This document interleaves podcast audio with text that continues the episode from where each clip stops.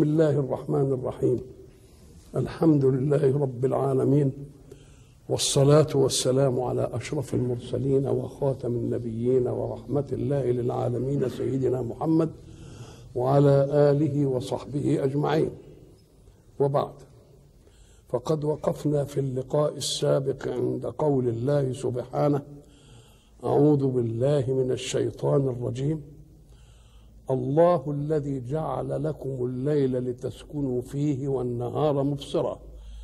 إن الله لذو فضل على الناس ولكن أكثر الناس لا يشكرون.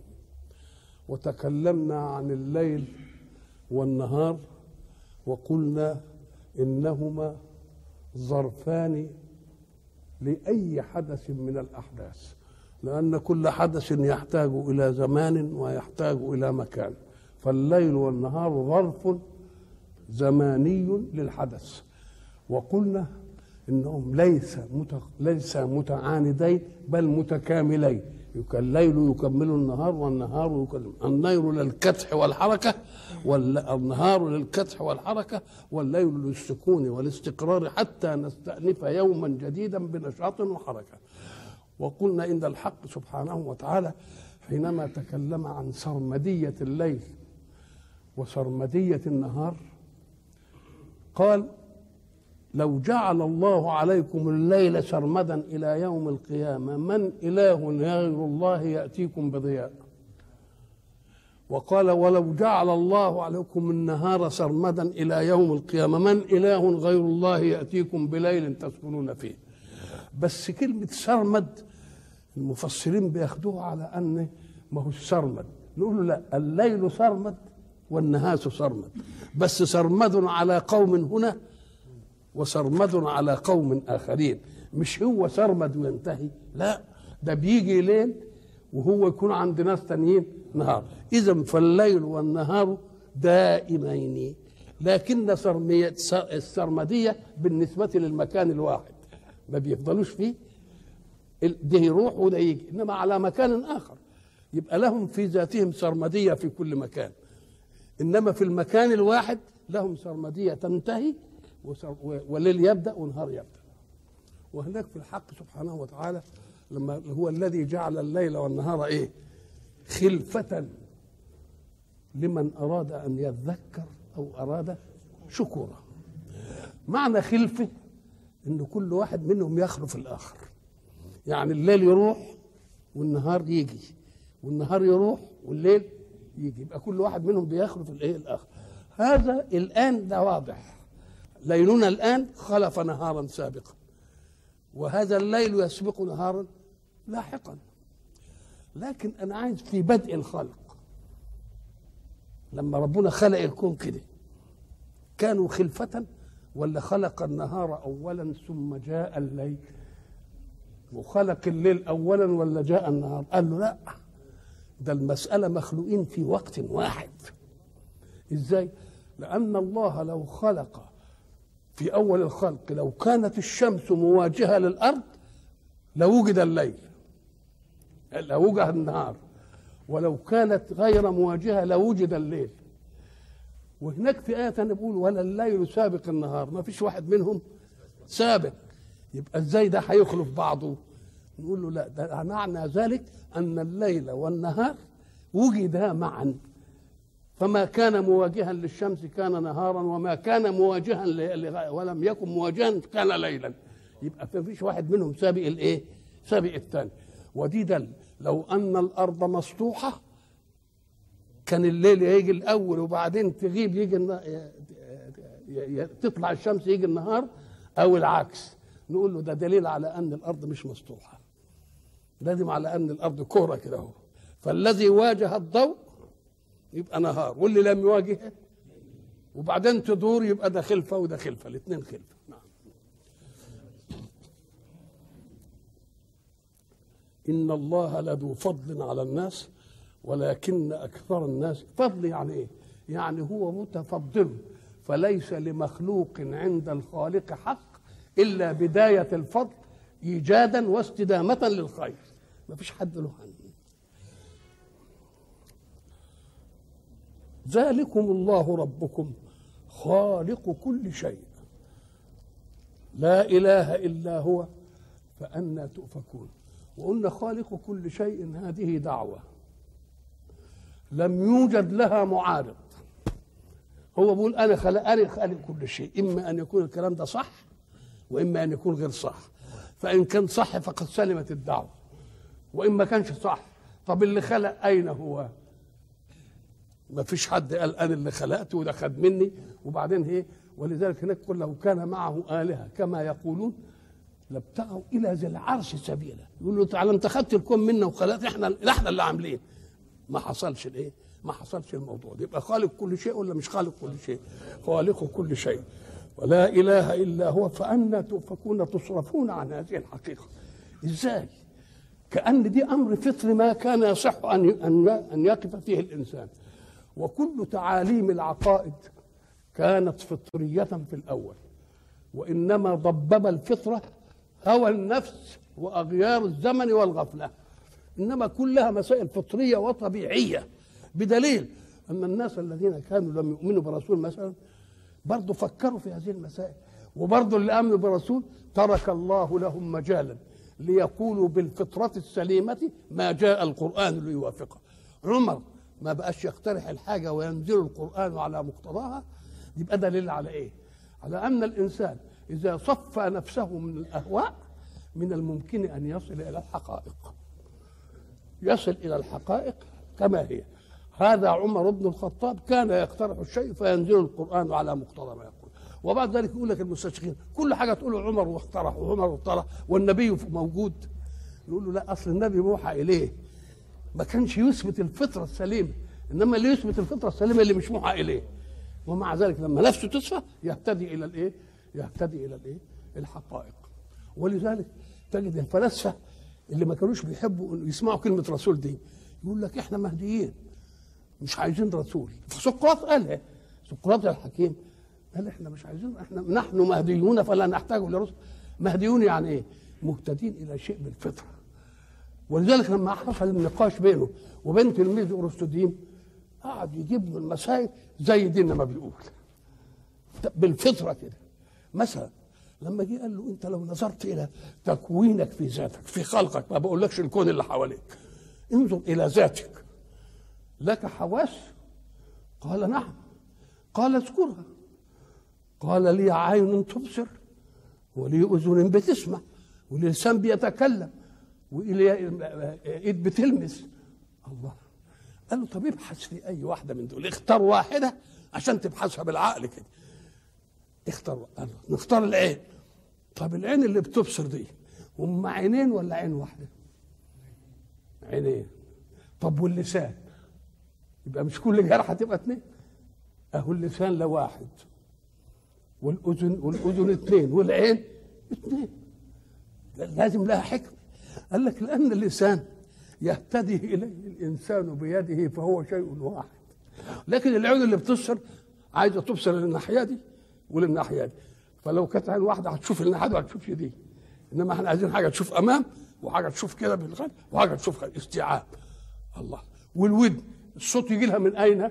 يجي لها من هنا تبقى دي تسمع. من هنا تبقى دي تسمع. لازم دي الاثنين ولا ما اللسان. اللسان واحد. قول له طب تعالى. اللسان ده بيمر عليه مطعومك. قال له نعم. قال فتلتز به. فما هي الأشياء التي على اللسان؟ يفرق بين الحريف وبين الحلو وبين الحادي وبين المر. في اللسان كله. إزاي دي؟ قال لك يلتز بالشيء. ولا يلتز به يلتز به فيبتلعه ولا يلتز به فيلفظه. الله اذا الزوج جاي عشان يعمل إيه؟ يعمل كنترول على ما تتناوله أنت. control على ما تتناوله أنت. يعمل عليك هذا ال control. ولما تلتذ اللسان يلتذ بمطعوم الله شجعك على أن تطعم بأنه يجعل للاكل لذة ببقك. لو ما كانش الأكل لذه ببقه يمكن الواحد يزهد في الأكل ويقول هنمضغ ونعمل مش عارف إيه عشان لكن هو عملها إيه؟ اللذه علشان أنت إيه؟ يرغبك على إنك أنت تتناول حاجة تقوت بها نفسك عشان تقوى على مطلوب الله لك. وبيقول له طب تعالى بقى شوف بقى. العينين اثنين قلنا علشان تشوف الاتجاهات كلها. طيب ده كويس. وبعدين خلقتها يا الاستديم بحكمة. إزاي؟ قال لك لها جفن الجفن ده ينطبق وينفتح. بإرادتك تغمض وتفتح. كويس كمان وبعدين فيه أهداب اللي هي الرموش دي مصفاة عشان تنقي ما يدخل للعين من الأتربة ومن الهواء ومن مش عارف إيه. ده بيتكلم كلام فطري كده. ما فيش ما اسمعش رسول وبعدين افرض ان حاجة نفدت من الرموش. تيجي الدموع تروح غسلاها زي المساحة اللي إحنا بنعملها للعربية. الله. وبعدين تيجي الجفون دي علشان الراس بيطلع منها عرق. لو الجفون دي ما تحشوش ينزل على العين العرق ومادة سامة تدخل على العين. فيبقى اذا كل شيء له إيه؟ كل شيء له. والشيء الذي تتناوله بتاخده إما لشهوة الطعام وإما للاغتيال. فانت بتوقف هنا يقوم لازم يجعل الفم في ريح الأنف وفي ريح العين. ليه؟ علشان تشوفه إن كان وحش ولا مش وحش. وتشم ريحته منتن ولا وحش تلفظه لكن المخارج اللي على الطعام غير كده. بعيده تحت خالص. الله. شيء دي مسألة حكمة عالية دي يبقى إذا وفي أنفسكم لو إحنا مسكنا كل جرحى بقى. قال لك طب ما كانش المناخير دي كان الكون ده اللي فيه روائح جميلة نشمها إزاي؟ طب ده ده نفعت حتى في الجريمة الكلب يمشي يشمشم يعرف الريحه ومش عارف إيه وبتاع قال لا يبقى كل حاجة معمولة بإيه؟ معمولة بحكمة نعم ذلكم الله ربكم خالق كل شيء لا إله إلا هو فأنا تؤفكون كيف تنصرفوا إزاي؟ كلمة فأنا تؤفكون يعني تعجب من أن ينصرفوا مع وجود هذه الأشياء الناطقة بالقدرة والخلق ولذلك هناك في سورة البقرة كيف تكفرون بالله؟ قولوا لنا حكاية بتكفروا إزاي دي؟ كأن الكفر ده ما يجيش على البال أبدا. كيف تكفرون بالله؟ إزاي؟ ما يجيش الكفر على البال. نعم. ذلكم الله ربكم خالق كل شيء لا إله إلا هو فأنا تؤفكون. كذلك يؤفك الذين كانوا بآيات الله يجحدون. يبقى إذا الإفك والانصراف إنما كان عن جحد مش مش مش مش عملية عقلية. عن جحود يستر الحق عن النفس. إنما ما تجيش هي مسألة إيه؟ مسألة طبيعية. الله الذي جعل لكم الأرض قرارا. حق سبحانه وتعالى لما تكلم عن التوحيد وتكلم عن فضله في الخلق وخلق الليل والنهار ومش عارف إيه ابتدى يتكلم عن الأشياء اللي هي خارجة عن الإنسان السماء والإيه؟ والأرض. الله الذي جعل لكم الأرض قرارا. قرارا أي تستقرون فيه. والاستقرار نوعان. استقرار للحياة واستقرار للراحة. الواحد له بيت في الكون اللي هو عايش فيه وله أرض بيجري فيها بيشوف مصالحه. فأرض الاستقرار اللي أنت بتربع فيها دي وتشوف مصلحك إنما أرض السكون والهدوء البيت. ولذلك بيسموه إيه؟ بيت يعني المبيت. فبتاخد حتة من الأرض وتعملها إيه؟ بيت. وبعدين عامل لك بيئة كده كده علشان تجري فيها وتشوف مصالحك. يبقى في في قرارين اثنين قرار حركه وقرار سكون. قرار الحركة في الأرض اللي انت اخترتها سيدنا إبراهيم إيه رب اجعل هذا بلدا إيه آمنا. دي قرار إيه؟ دي قرار للحركة. وعايزين يبقى آمن ومستقر ومش عارف. طب والقرار الثاني اللي هو البيت اللي إحنا بناخده سكن يبقى خاص بيه لكن قرار الحركة مشترك فيه أنت وغيرك. وقرار المبيت خاص بك. يعني حاجة لك أنت والأهلك. الله الذي وبعد ذلك ليست الأرض. قرارا لحركة حياتك وإنما هي أيضا قرار لجسمك بعد مماتك. منها خلقناكم وفيها نعيدكم. أم الذي جعل لكم الأرض قرارا والسماء بناء. بناء إحنا نعرف إن البناء ده لازم لما يبقى له سقف لازم له أعمدة تشيله ولا جدران ولا قال لك هناك في آية ثانية يقول لك بغير عمد. وبعد ذلك يتكلم يقول بغير عمد ترونها. يعني أنتم ترونها بغير عمد. امسك كده أي حاجة وامشي في الكون كلها بعصايه كده ما فيش اعمل وبعدين تنتهي للافق ويجي برضه وتمشي برضه. ما فيش الله. تبقى تبقى المسألة إيه دي؟ المسألة إن السماء سقف إنما ملوش أعمدة ولا لوش جدران شايلاه. قال لك إزاي دي؟ قال لك ممسوكة بالقدرة. والأرض ما هي نفسها في في الجو. وليها تقل طب ما وقعش ليه؟ الله قال لك ده الجاذبيات من الأرض. الأرض هي اللي بتجذب وبعدين لما هي تدور الدورة بتاعتها اللي معروفه اللي معروفة عليه دي؟ قال الله فيها يمسك السماوات والأرض. ان تزولا ولئن زالتا إن أمسكهما أحد من بعده. ما فيش حد يمسكهم ثاني هو اللي يمسكها بس. وبعدين قال إزاي دي؟ أنا هندي لكم مثل حسي أولم يروا إلى الطير فوقهم صافات؟ طب الطير لما بيعمل اجنحته كده خلاص هو بيمشي وبيعمل. طب ولما يعمل جناحته يقف بها كده ويقف في الجو. اللي يمسكه إيه؟ اللي ماسكه إيه؟ طب ديك الجناح بيعمل كده زي ما بيكون بت... بتعوم. تعمل بايدك كده تشيلها كله ودي طب لما يعمل كده ولذلك يقول صافات ويقبض. ما يمسكهن إلا إيه؟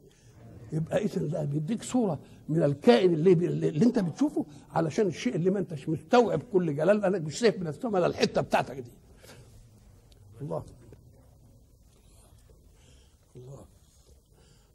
الله الذي جعل لكم الأرض قرارا والسماء بناء سماها بناء والسماء بنيناها يعني يبقى لها جرم هذا الجرم بس العظمه فيه إنه ملوش عمر بغير عمد ترونها. يعني أنتم ترونها كذلك. أو بغير عمد مرئية لكم في عمد تانية. قولها بقى الجاذبية بامساك القدرة ده موضوع تاني بقى. ولذلك دلوقتي بيعملوا الكباري المعلقة.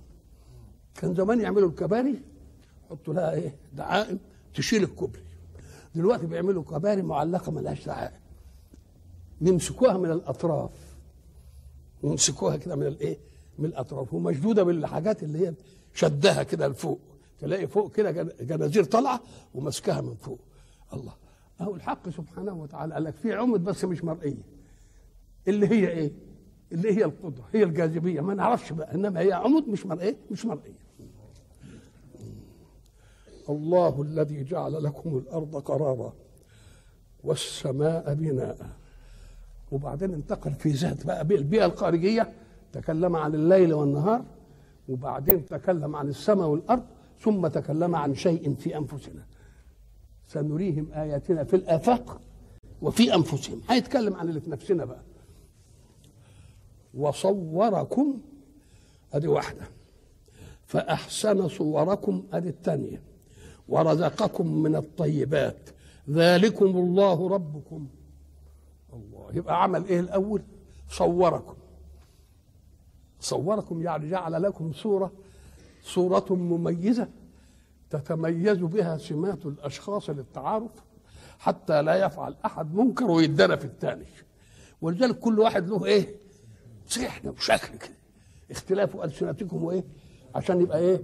كل فعل محسوب على صاحبه. إنما لو عملنا قالب كلنا كان اللي يعمل منكر ما حدش يعرفه. إنما يراها متميزة كده. يميزها بس صوركم وبعدين كان ممكن يصورنا على أي شكل. قام قال لك لكن بصورة حسنة برضه. ما عملنيش أمشي على أربع كده ما عملنيش ديل ما عملنيش مش عارف إيه. برضه صورة إيه؟ صورة جميلة. يبقى صورنا واحسن صورنا وبعد ذلك رزقكم للاستبقاء من الطيبات عشان تستبقوا الحياة. وطبعا ما قالش بقى استبقاء النوع اباح لكم الجواز عشان تتكسروا ومش عارف إيه. يجيب لمحة هنا وبعدين يترك لمحة ثانية في حتة ثانية ليه؟ حتى لا يخلو مكان من كتابه من إعجاز في خلقه. وصوركم فأحسن صوركم ورزقكم من الطيبات. ذلكم الله ربكم. فتبارك الله رب العالمين. تبارك يعني عظم وجاءت منه البركة وجاء منه الفضل وجاء منه الإمداد وجاء فعال. فالإمداد وفعال العلم عنده علم وعنده في قدرة فعل. يبقى لتبارك الله أحسن الخالقين. وتبارك بقى واخدة حظها من القرآن. إما أن يكون تبارك للخلق المادي وإما أن يكون تبارك للأمر المعنوي الذي يضع منهج الحياة حركة الحياة للإنسان زي تبارك الذي أنزل الفرقان على إيه؟ يبقى عمل لك الجسم وعمل لك المقوم الإيه؟ المقوم الروح تبارك كلها في القرآن بالشكل ده تبارك الذي جعل في السماء إيه؟ كل حاجة تبارك تبارك تبارك. فتبارك الله رب العالمين. هو الحي هو الحي. ليه؟ قال لأن الحي دي اللي هينتج عنها متعلقات كل صفات. عايز يثبت القدرة يبقى لازم يكون حي. عايز يثبت العلم الحي يبقى حكمة الحي. يبقى الحي هي إيه؟ الحي دي الصفة اللي يطرأ عليها كل إيه؟ كل صفات الكمال تيجي بعد الإيه؟ بعد الحي. بس إحنا قلنا زي ما قلنا في الحلقة اللي فات الحي مرة تكون صفة ذات. هو في ذاته حي. ولكنه لغيره يحيي ويميت. ولذلك إحنا قلنا إيه؟ يا حي صفة إيه؟ ذاتك. ويا محيي صفة فعلك. وما بالذات لا إيه؟ لا يفوت. وما بالفعل يحيا ويموت. هو الحي. لا إله إلا هو. فادعوه مخلصين له الدين. ادعوه. لأنه قيوم. ويقول لك نام وتمدد كده واستريح لأن ربك لا ينام. شوف إزاي. إحنا ننام وهو يقول أنا قيوم. لا تأخذه سنة ولا إيه؟ ولا أنا. بيدلع عباده يعني اللي آمن بيه دلعه اللي آمن بيه بيدلعه.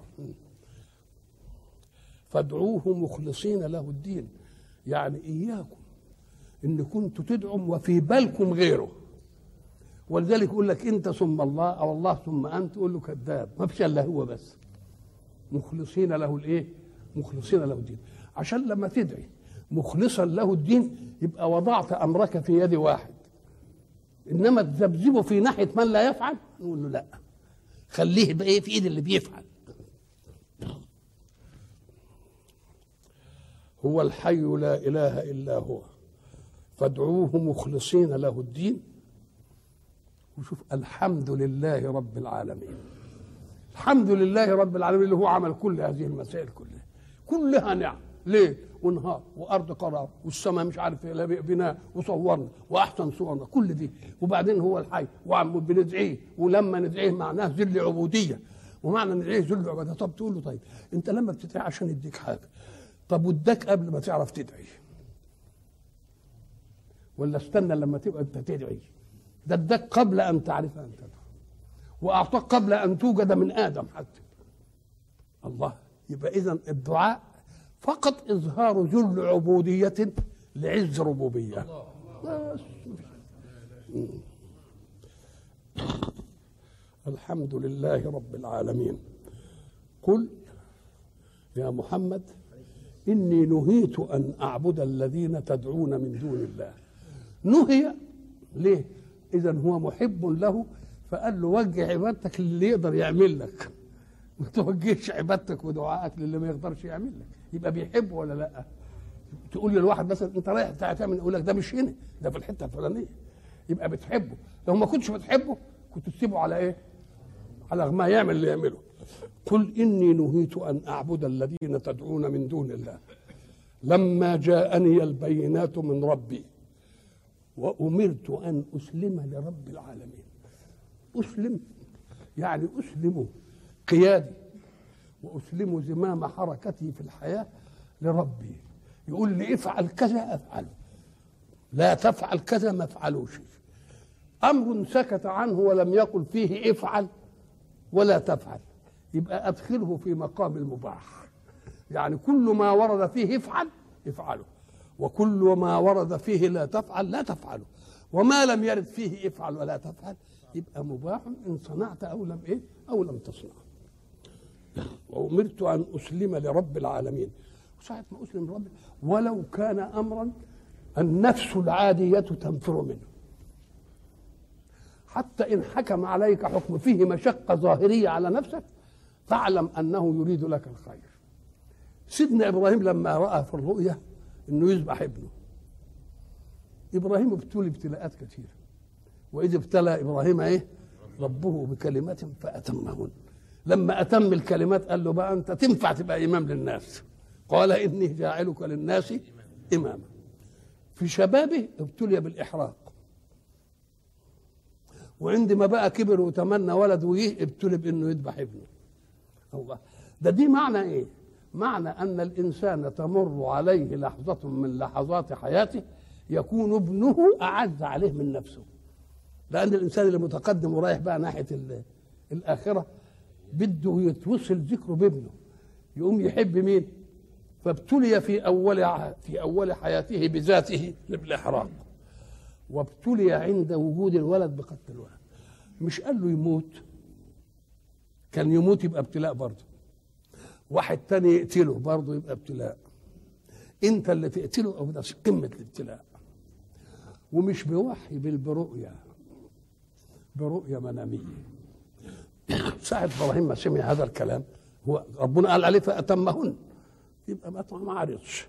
إنما كيف يأخذ ابنه ليقتله؟ إزاي؟ ساعة ما يجي يمسك السكينة ويجيب رقبة ابنه كده اللي ابني يقول عليه إيه؟ يقول الراجل انجن ولا جرى له إيه ويكرهه ويبغض أبوه. فقبل ما يعمل أي عملية أراد أن يدخل ابنه في مقام التسليم لله كما دخل.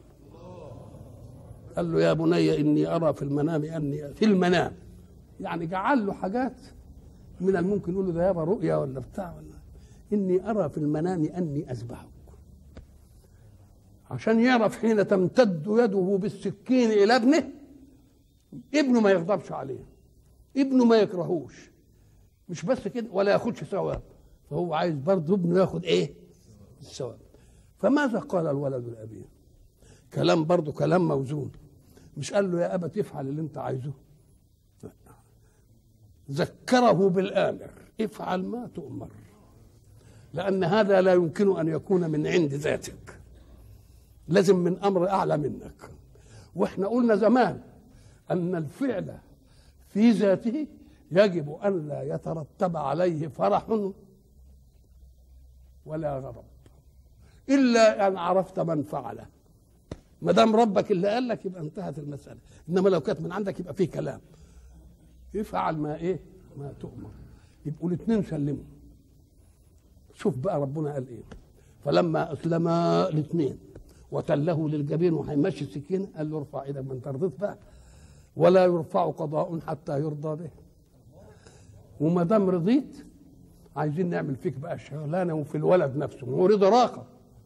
قال له هنفديه بذبح عظيم. أدي واحدة. يبقى نفد من الإيه؟ من القتل وبيعوضه عن الفزعة. قال له هي بشرك بغلام تاني. بشرناه بغلام حليم يعني كنا عايزين ناخد واحد وانت رضيت خلناه وجبنا لك كمان واحد. وعملناهم الاثنين أنبياء.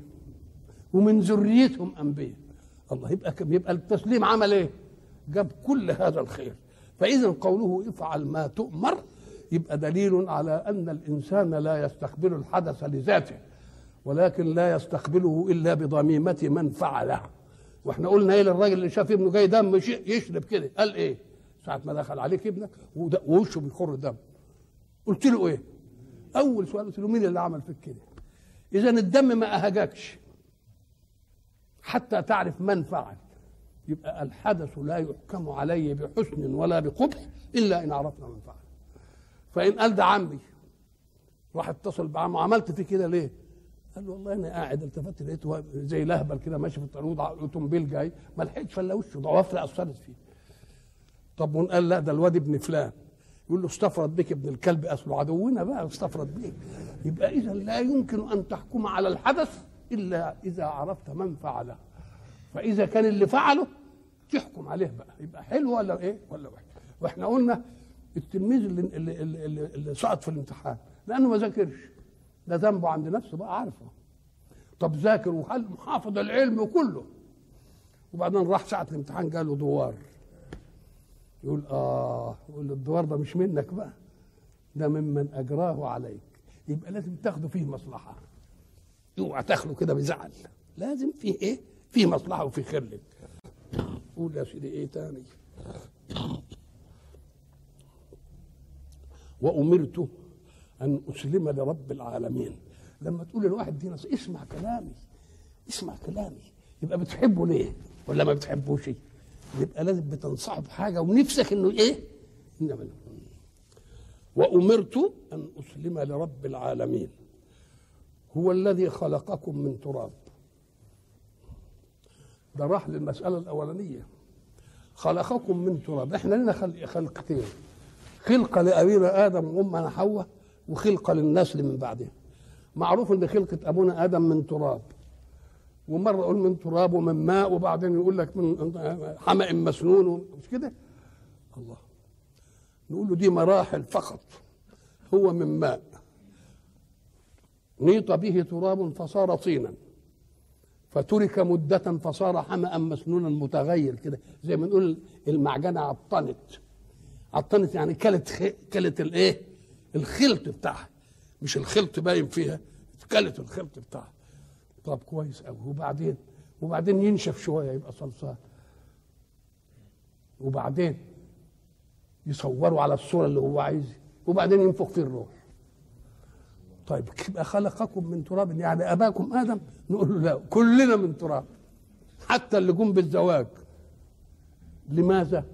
قال لك لأن الميكروب اللي هينشأ منه جرثومة الرجل وبويضة المرأة إنما يأتي مما تأكل من طعام والطعام يؤكل إما من نبات وإما من حيوان والنبات والحيوان جايين منين؟ من التراب والطين. هي هي. ولذلك لما جت عمليات التحليل الكيماوي لعناصر الإنسان. قلنا أنها وجدوها 16 عنصر. بدأت أكبر كمية الأكسجين 67% وفي آخرها المنجنيز وده ما حصلش نص في المية. وبينهما الكلول والفرول والكربون وال... كل دي والمغنيسيوم والصوديوم والحديد واليود كل ده 16 عنصر. ده الأرض اللي بيطلع الزرع. سمى فلما حللوا جسم الإنسان وجدوه هم ال 16 عنصر. نفسهم. يبقى كون خلقني من طين دليلها مادة أهو. اهي العناصر أهي وادي الإيه؟ وادي العناصر. اذا كلنا من تراب وإن جئنا من زوجين لأن الميكروبات اللي هي مع من الراجل ومن المرأة مأخوذة من الغذاء والغذاء مأخوذ من من الحيوان أو من النبات والحيوان والنبات مأخوذ من مين؟ من الأرض يبقى كلنا من إيه؟ ولذلك الله سبحانه وتعالى النبي عليه الصلاة والسلام قال إيه؟ كلكم لآدم وآدم من تراب كلكم لآدم وآدم من تراب يبقى كل اللي يتناسل منه برضه من إيه؟ من تراب والذي ولذلك إحنا قلنا ان الحق سبحانه وتعالى تكلم عن مسألة خلقنا وخلق السماوات والأرض قال ما أشهدتهم خلق السماوات والأرض ولا خلق أنفسهم. ما شافوهاش. ليه؟ لأن خلق السماء والأرض طرأ عليها الإنسان. يبقى قبل أن يوجد الإنسان اتخلق. يبقى ما شفتهاش. هذه واحدة. طيب. ولما جيت خلقت آدم ما كانش لسه حصل له تمييز عشان يعرف من اللي خلق ولا يعرف الحكاية دي إذا ما أشهدتهم خلق السماوات والأرض ولا خلق أنفسهم ثم يأتي بكلام يدل على الإعجاز الإقحام بيقحم العدو وما كنت متخذ المضلين عضدا كلمة مضلين يعني إيه؟ هم الذين هم الذين يضللون الإنسان بباطل في ثوب حق. يقول لك الإنسان أصله قرد والإنسان مش عارف إيه. قال دول مضلين وما أشهدتهمش علشان يعرفوا الحكاية دي. وإن كنتوا عايزين تعرفوا اتخلقتوا إزاي اسمعوها مني أنا اللي خالق اللي هقول لكم. فقال لنا الحكاية دي. التراب والصلصال والحمأ المسنون ومش عارف ونفخ فيه الروح. هذا أمر لم نشهد. إنما قاله الله لنا. ولكن واقع الحياة يؤكد صدق الله فيما قال. قال لك الماء هو الموت؟ الموت نقض الحياة. طب ونقد كل شيء؟ يأتي على عكس بنائه. لما بتبني بيت كده وتبني الدور الأول والثاني وعايز تهده تهد الأولاني ولا تهد الاخراني الأول؟ تبقى اللي بنى اللي انبنى الآخر هو اللي ينهد. وبعدين ننزل كده ننزل كده ننزل كده ننزل كده إلى أن يوجد بقى حاجة نهدها كلها إيه وهي بعضها بال- بالنسف اللي بيعملوه على الأول. والموت نقد الحياة. طب كيف نموت؟ قال لك واحد مش كويس أو كده وبعدين يقول لك ده طلعت روحه وبقى رمه الله. وبعدين بعد ما يموت يتصلب. يبقى مصلب كده. وبعد مدة يرم يبقى زي الجيفة كده. وريحته وبعدين تتبخر منه شوية مية يطلعوا فوق. وبعدين تبقى بقية المادة تروح في التراب. الله. تبقى طب هو ربنا قال إيه؟ طب ما هو؟ إحنا من تراب وميه وبعدين كنا طين وبعدين بقى حماء مسنون وبعدين بقى صلصال وبعدين نفخ فيه الروح. الروح جاء في الآخر ولا لأ؟ تبقى لما نحب ننقض الحياة نعمل إيه؟ نخرج الروح الأول. وناخدها واحدة واحدة. يبقى جاء في الموت ما يصدق أمر غيبية الخلق في ابتداء الحياة.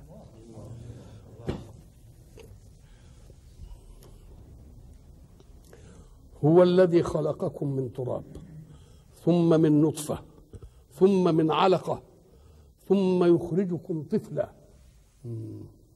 دي مراحل كلها النطفة وبعدين الإيه؟ العلقة وبعدين المضغة كل دي مراحل. ثم يخرجكم طفلا.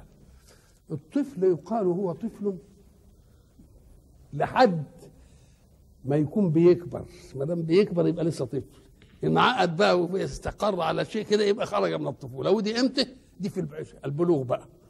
ويبقى استكمل كل أجهزة الوجود. ليه؟ لأن بالبلوغ أصبح قادرا على إنجاب مثله. وإذا بلغ الأطفال منكم الحلم فليستأذنوا كما استأذن الذين من قبلهم. يبقى الطفولة مرحلة. مرحلة إيه؟ النمو اللي بينمو فيها الإنسان ويظل الإنسان ينمو ينمو ينمو ويكبر ومش عارف إيه لحد ما يبلغ. يقعد بقى على كده يبقى شوية سمنه شوية انما ما يضام ولا تكبر ولا يجرى حاجة بقى على الأول. ثم يخرجكم طفلا وبعدين تبلغوا الأشد اللي هو البلوغ القوة يعني نهاية القوة. وبعدين تنحدروا وتبقوا شيوخ. والشيوخ بقى دي يجي هزال في الجسم ويقعد الجسم بقى يأتي الهزال كيف يأتي النمو وضده الهزال ما هو في نمو وفيه إيه؟ هزال النمو إنه كل يوم يزيد. ادي واحدة والهزال كل يوم ينقص. ليه؟ قال لك ساعة ما بيكون بينمو يبقى بيجي له من الغذاء وينتفع. بيبقى اللي بيدخل فيه أكتر من اللي بيخرج منه. لأن لو كان اللي بيدخل فيه قد اللي بيخرج منه يفضل على حالة واحدة. إنما ما دام بينمو يبقى إيه؟ اللي بيدخل له من الطعام الغذاء أكتر من اللي بيخرج منه من الفضلات. فإذا تساوت المسألة يفضل ماسك سيره وبدل لما يبقى شيخ الفضلات تبقى أكتر. يقوم يبتدي إيه؟ يحصل له هزال عنده شوية شحم ياكل منها عنده شوية مش عارف عضلات تضمر عنده مش عارف إيه إلى أن يأتي المخزن الأخير وهو العظام.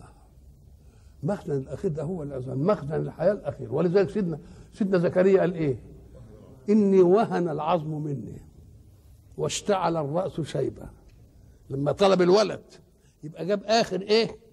آخر. دي الشيخوخة بقى. هذه الشيخوخة في المادة القالبية القالب. وفي الثاني قال لك المعلومات اللي كان كاسبها بقى وشاحن ذهنه بقد كده لكي لا يعلم من بعد علم شيئا.